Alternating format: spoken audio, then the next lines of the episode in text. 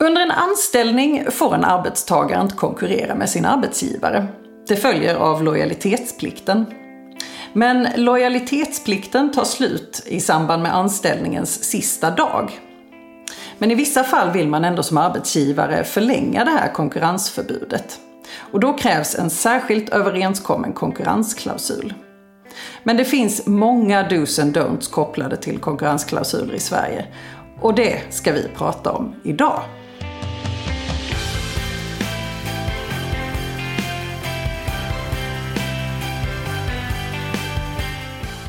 Hej och välkommen till Arbetsrättspodden. Podden för dig som verkar inom HR eller hanterar personalfrågor i din vardag. I den här podden vill vi bjuda på nya infallsvinklar och dela med oss av vår kunskap för dig som arbetar inom HR-området. Jag heter Emelie Svensäter Jerntorp och arbetar som advokat inom arbetsrätt här på Vinge.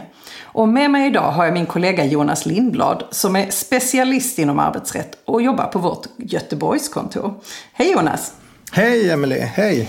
Ja, vi ska ju prata om konkurrensklausuler idag. Eh, och utgångspunkten är ju att en arbetstagare har rätt att ta vilket arbete som helst efter en anställning har avslutats.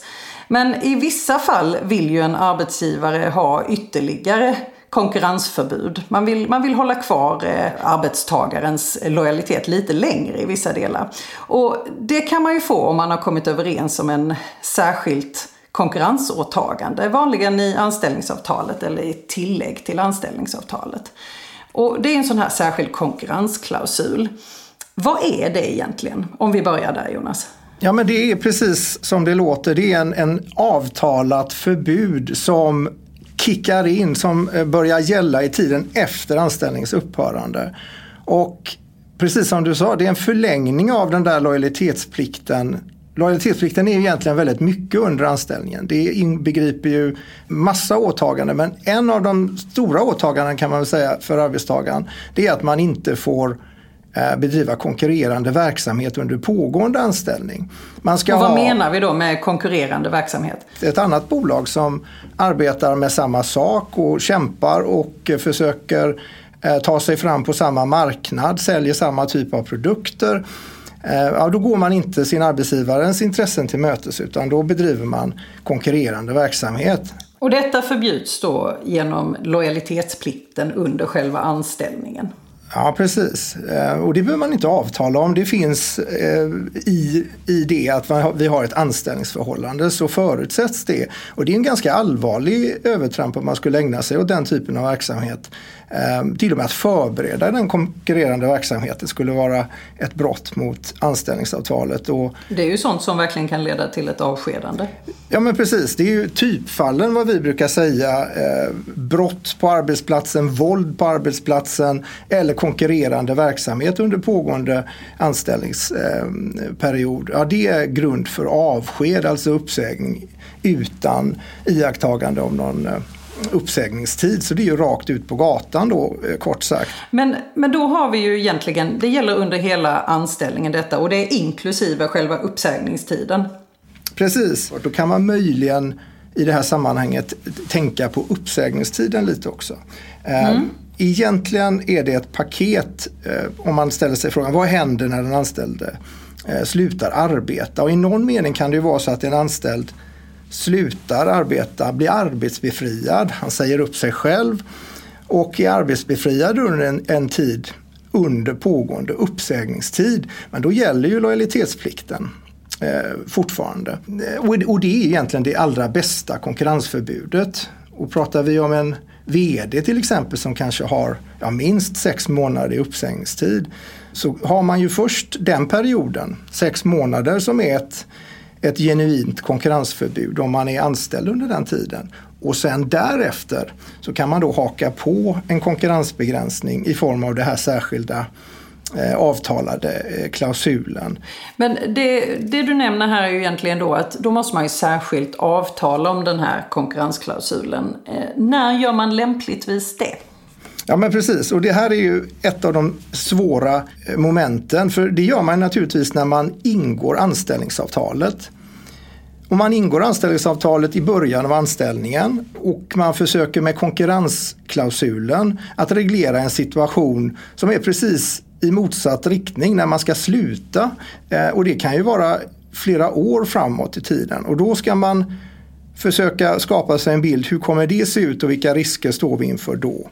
Um, och där ligger en, faktiskt, en av utmaningarna här när man ska konstruera en konkurrensklausul som faktiskt i framtiden kommer fungera eh, som det där skyddet som man bedömer att man behöver ha.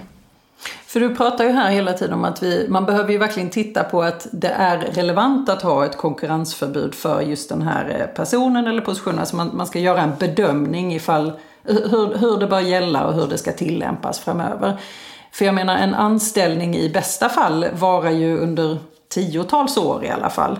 Och såklart så har man olika positioner under den tiden. Eh, det kanske inte är så att eh, man har en konkurrensklausul i sitt anställningsavtal när man börjar på, som receptionist hos ett bolag. Men när man sen avancerar till IT-chef eller eh, eh, något annat avancerat inom bolaget. Då kanske det kan vara relevant. Kan man ingå den här typen av eh, överenskommelser under tiden en anställning varar? Ja men så kan det vara. Ehm, det kan vara en övning i sig. För det kan ju vara så som du säger att man har en, och då tänker man konkurrensklausuler, det ska tillämpas för nyckelpersoner. Jag nämnde VD som en sån nyckelperson tidigare. Det är en uppenbar sådan. Men det kan finnas andra personer också i bolaget som är nyckelpersoner som arbetar med företagshemligheter, är, är särskilt viktig i kundrelationer och eh, har djupare insikter i den verksamheten man bedriver. Nyckelpersoner kort sagt. Man ska alltså inte använda detta i någon form av standardanställningsavtal som gäller för, från ja, som vi nämnde, receptionisten och uppåt på något vis. Det, det, är inte aktuellt, det är inte det vi pratar om här. Men det kan ju då vara, för att återkomma till din fråga, Eh, att man börjar i en mellannivå och sen blir man en nyckelperson. Och då handlar det om för arbetsgivaren att på något sätt eh, införa det här eh, konkurrensförbudet i det befintliga anställningsavtalet. Och det handlar egentligen om att att ta en diskussion med den anställde och det gör man kanske lämpligen då eh, inför den nya befattningen, det nya ansvaret och i det ligger att man är en nyckelperson och med det kommer också de åtaganden som, man, eh, som inryms i ett konkurrensklausul. Och då du menar att du måste, du måste ha någonting att dingla framför näsan med så att man accepterar det här åtagandet? Ja, det är ju ett avtal. Båda parterna ska vara överens och, det är betungande i utgångspunkten. Det innebär att man får inte göra saker Eh, Eh, det är en negativ förpliktelse. Man får inte göra saker efter anställningens upphörande. Huvudregeln är att man får göra saker efter anställningens upphörande. Så att det är klart att eh, det kan vara bra att ha något att eh, och dingla med om vi kallar det för det. Men när man som företag då funderar på att ja, men vi behöver nog använda konkurrensklausuler för de här specifika positionerna åtminstone. Man har gjort sitt, sitt förarbete och bestämt sig vilka positioner som bör omfattas av det här. Eh, vad är det första man ska tänka på? Det allra första kanske man ska bara för ordningens skull säga, har vi kollektivavtal eller inte? Det tror jag är viktigt att, att tänka den, eller ställa sig den frågan. Eh, det är en självklar Vilken påverkan får det? Ja, men det är så att det finns då ett, eh, ett särskilt kollektivavtal från 2015 som ingicks mellan Svenskt Näringsliv och PTK som just eh, avtal om användning av konkurrensklausuler i anställningsavtal och det är precis vad det låter. Det är ett, ett kollektivavtal som för de eh, av kollektivavtalen bundna parterna då och eh, vad gäller arbetsgivarna deras anställda. Eh, då finns det ett regelverk för i vilka situationer man får tillämpa en konkurrensklausul och hur den ska vara konstruerad för att vara skälig, för att vara eh, giltig ytterst. Om man bara stannar där, för du pratade om det finns kollektivavtal eller finns inte kollektivavtal. Eh, vad får det rent konkret för, eh, för betydelse om man har kollektivavtal eller inte ett kollektivavtal? Ja, I det enkla fallet är att, vi, låt säga att bolaget, arbetsgivaren har kollektivavtal och då vet man egentligen att utgångspunkten är att om man ska tillämpa en eh, och ha en konkurrensklausul i ett anställningsavtal så måste det vara i i överensstämmelse med, med det regelverk som kollektivavtalet eh, stadgar. Så då har man det framför ögonen. Med det sagt, oavsett om du är bunden eller inte av, ett kollektiv, av det här kollektivavtalet så har kollektivavtalet från 2015 en påverkan på hur en skälig konkurrensklausul ska se ut eh, på svensk arbetsmarknad. Okej, okay, så då, då vet vi. Vi behöver titta på kollektivavtalet oavsett om vi har ett kollektivavtal med bolaget eller inte. Men om vi då tittar i de riktlinjer som vi kan hitta i kollektivavtalet och i övrig praxis eh, från AD och liknande. Hur brukar konkurrensklausuler vara utformade? Man kan tänka sig att vi har en konkurrensklausul som, som förbjuder all konkurrens där arbetstagaren inte då får ta anställning hos en konkurrent och får inte bedriva eh, konkurrerande verksamhet. Ta anställning sa jag. Det kan ju vara att man får heller inte vara engagerad Eh, eller på något sätt befatta sig med den här konkurrerande verksamheten som delägare direkt eller indirekt. Så det är, är ganska definitivt att man ska helt enkelt undanhålla sig från konkurrerande verksamhet.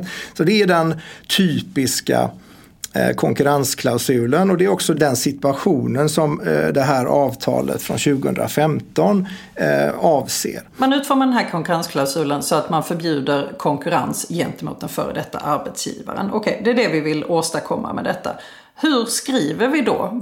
På vilket sätt kan vi hindra arbetstagaren att göra detta? Och vad, har vi några kriterier vi måste uppfylla för att vi ska kunna göra det? Hur formulerar vi oss på ett skäligt sätt? Och då kan man säga som så att arbets Givaren har ju ett intresse egentligen att förbjuda allt om man får önska helt fritt och arbetstagaren har ett intresse om att få göra så mycket som möjligt och till och med göra allt. Va?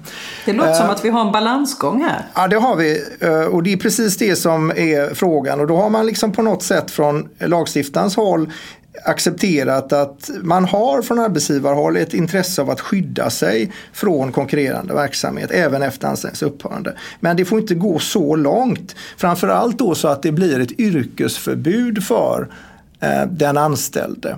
Och vad menar du med yrkesförbud där? Ja, det menar jag att nästan som att det ska vara en begränsning men det får inte vara som att man är helt låst eh, eller utelåst ska jag säga från arbetsmarknaden. Utan man ska kunna arbeta inom eh, andra eh, verksamheter som inte liksom direkt överlappar med vad den gamla arbetsgivaren har ägnat sig åt. Så det, har man konstaterat är skäligt då under en kortare tid efter anställningens upphörande? Ja, precis. Om man begränsar det?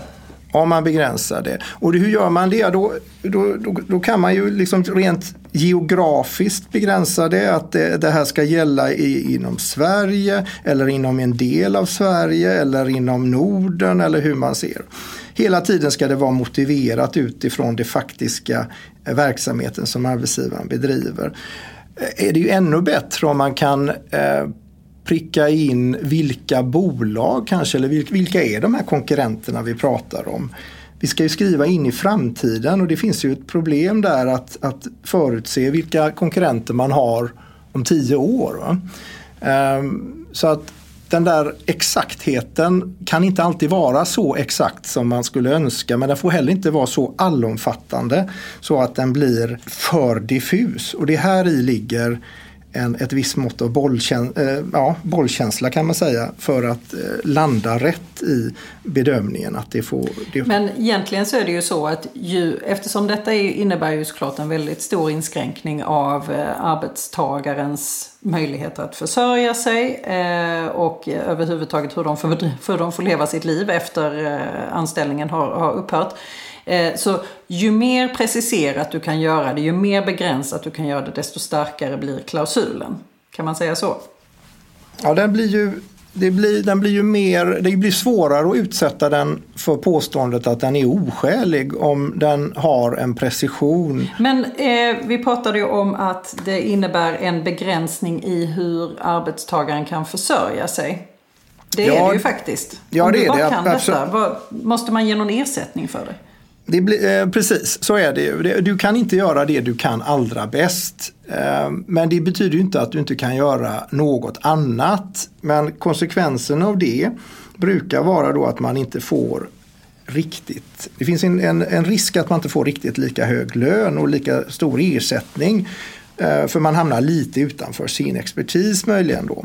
Eh, och då ligger det i korten eh, och det, det lär vi oss från det där kollektivavtalet från 2015 som är tydlig med det där man förutsätter i det närmaste att det ges en särskild kompensation under förbudstiden. Det finns här en risk att man inte får ersättning på samma vis som eh, tidigare. Att man, men man ska vara tryggad ekonomiskt i vart fall och då pratar man om 60 procent av den månads ersättning som man hade hos den gamla arbetsgivaren är någon slags miniminivå då eh, för eh, vad man eh, skall få som en, en del av konkurrensklausulen under förbudstiden.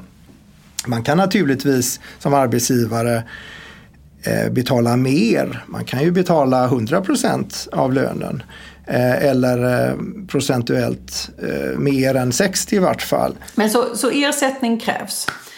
Och den ersättningen, behöver den utfalla under tiden som konkurrensförbudet är i kraft? Det vanliga är nog ändå så att, att man har en konstruktion där man eh, får en, en månatlig kompensation under förbudstiden. Man kan få det i form av annan kompensation. Man kan få eh, ett, eh, ett lönetillägg under befintlig anställning till exempel eller på annat sätt att man kan göra, ty, ja, tydliggöra som arbetsgivare. För ytterst är ju det här en bevisfråga för arbetsgivaren att, att visa att den anställde har fått en ekonomisk kompensation eh, till följd av att man, eh, den anställde har att underkasta sig det här förbudet. Och när vi pratar om förbudstiden, den här frågan som alla ställer sig, hur länge kan en konkurrensklausul gälla? Precis, och där ser vi att man, man sätter en, en tids period om nio månader som är, får man nog kalla normalfallet. Men att det kan, ehm, där man pratar om att det normalt inte ska överstiga nio månader. Men säger man om det eh, finns särskilda skäl, man pratar om långa produktcykler så kan en längre bindningstid vara motiverad. Då pratar man upp till 18 månader.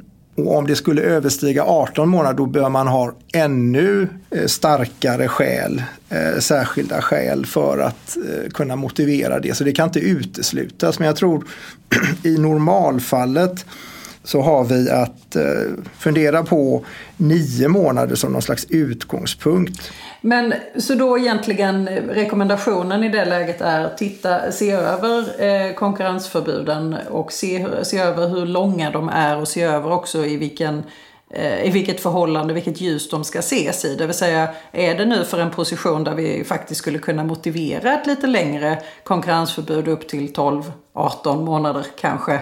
Eller är vi i en situation där vi kanske snarare borde försöka korta ner det. Så det blir en övning att göra innan ja, man tillämpar det.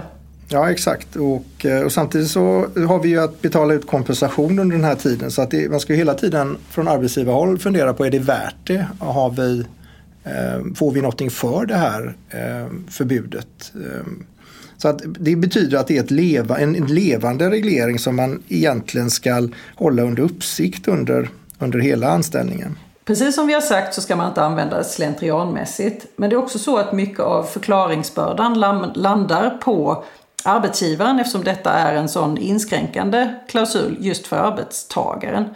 Och därför så är det viktigt att man som arbetsgivare sätter sig ner och faktiskt pratar igenom den här klausulen och innebörden så att arbetstagaren verkligen förstår den.